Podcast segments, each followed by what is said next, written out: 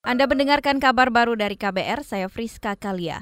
Saudara Badan Pusat Statistik memperkirakan kenaikan 23 persen cukai rokok di 2020 takkan mempengaruhi inflasi. Kepala BPS Suharyanto mengatakan BPS mencatat rokok menjadi komponen langganan penyumbang inflasi setiap bulan. Hanya saja sumbangan rokok tak, tak lebih besar dari komponen lainnya. Jadi nanti kita lihat lah di bulan Januari. Kalau kita lihat naiknya 0,01 nggak terlalu nggak terlalu lah kontribusi rokok itu. Andilnya sekarang 0,01. Kalau kita lihat di RKP tahun depan justru angka inflasi dipatoknya kan lebih rendah karena pengalaman sejak tahun 2016 sampai ke sini kan kita mampu mengendalikan di antara tiga tiga setengah kan saya pikir yang bagus. Saya yakin lah dengan pengalaman yang panjang inflasi akan terkendali selama tidak ada kegiatan apa kebijakan yang mengagetkan misalnya. Kepala BPS Suharyanto menambahkan kenaikan cukai rokok akan berperan menaikkan inflasi di samping komoditi lainnya. Sebelumnya pemerintah menaikkan tarif cukai rokok sebesar 23 persen dari har dan harga jual eceran sebesar 35 persen mulai 1 Januari 2020. Beralih ke informasi selanjutnya, Komisi Pemberantasan Korupsi KPK memanggil 10 orang saksi terkait kasus dugaan pengaturan proyek di lingkungan pemerintah Kabupaten Indramayu. Laporan selengkapnya disampaikan reporter KBR Mutia Kusuma dari Gedung Merah Putih KPK, Jakarta. Saudara, Komisi Pemberantasan Korupsi KPK hari ini memanggil 10 orang saksi terkait kasus dugaan pengaturan proyek di lingkungan pemerintah Kabupaten Indramayu tahun 2019. Berdasarkan keterangan tertulis juru bicara KPK Febri Diansyah, ke-10 saksi diperiksa di Polres Cirebon Kota. Mereka diperiksa untuk tersangka Bupati Indramayu nonaktif Supendi. Bupati Indramayu Supendi ditetapkan sebagai tersangka suap terkait pengaturan proyek di lingkungan Pemkap Indramayu 2019.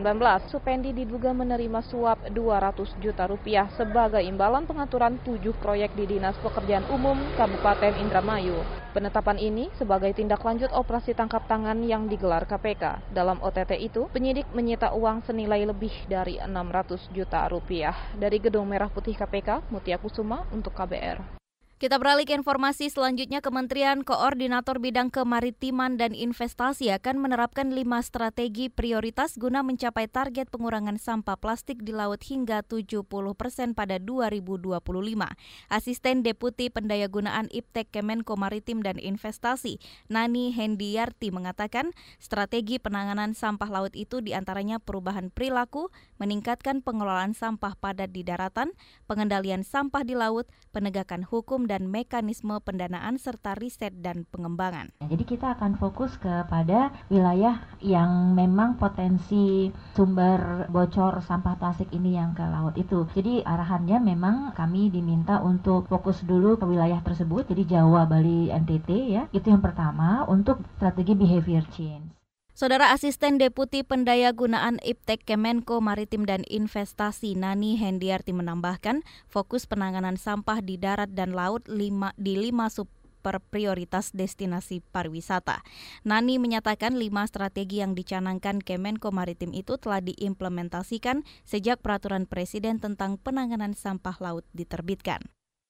Kita beralih ke informasi olahraga. Sebanyak 10 negara menjadi peserta pada turnamen Asian School Football Championship U18 atau Piala Pelajar Asia U18 yang berlangsung 15 hingga 25 November 2019 di Stadion Batakan, Balikpapan. 10 negara itu yaitu Korea Selatan, Cina, Iran, Thailand, India, Malaysia, Singapura, Sri Lanka, Brunei Darussalam, dan Indonesia. Sekretaris Panitia Pelaksana Piala Pelajar Asia Irfan Taufik mengatakan, Piala Pelajar Asia merupakan turnamen yang digelar setiap tahun oleh negara-negara yang tergabung dalam Asosiasi Sepak Bola Pelajar Asia sejak 47 tahun lalu. Dalam Piala Pelajar Asia itu, Indonesia akan menurunkan timnas pelajar U18 yang berasal dari Pusat Pendidikan dan Latihan Pelajar di bawah koordinasi Kemenpora, bukan timnas U18 PSSI. Diperkirakan tim dari 10 negara itu akan tiba di kota Balikpapan pada 13 November 2019 mendatang. Demikian kabar baru dari KBR, saya Friska Kalia.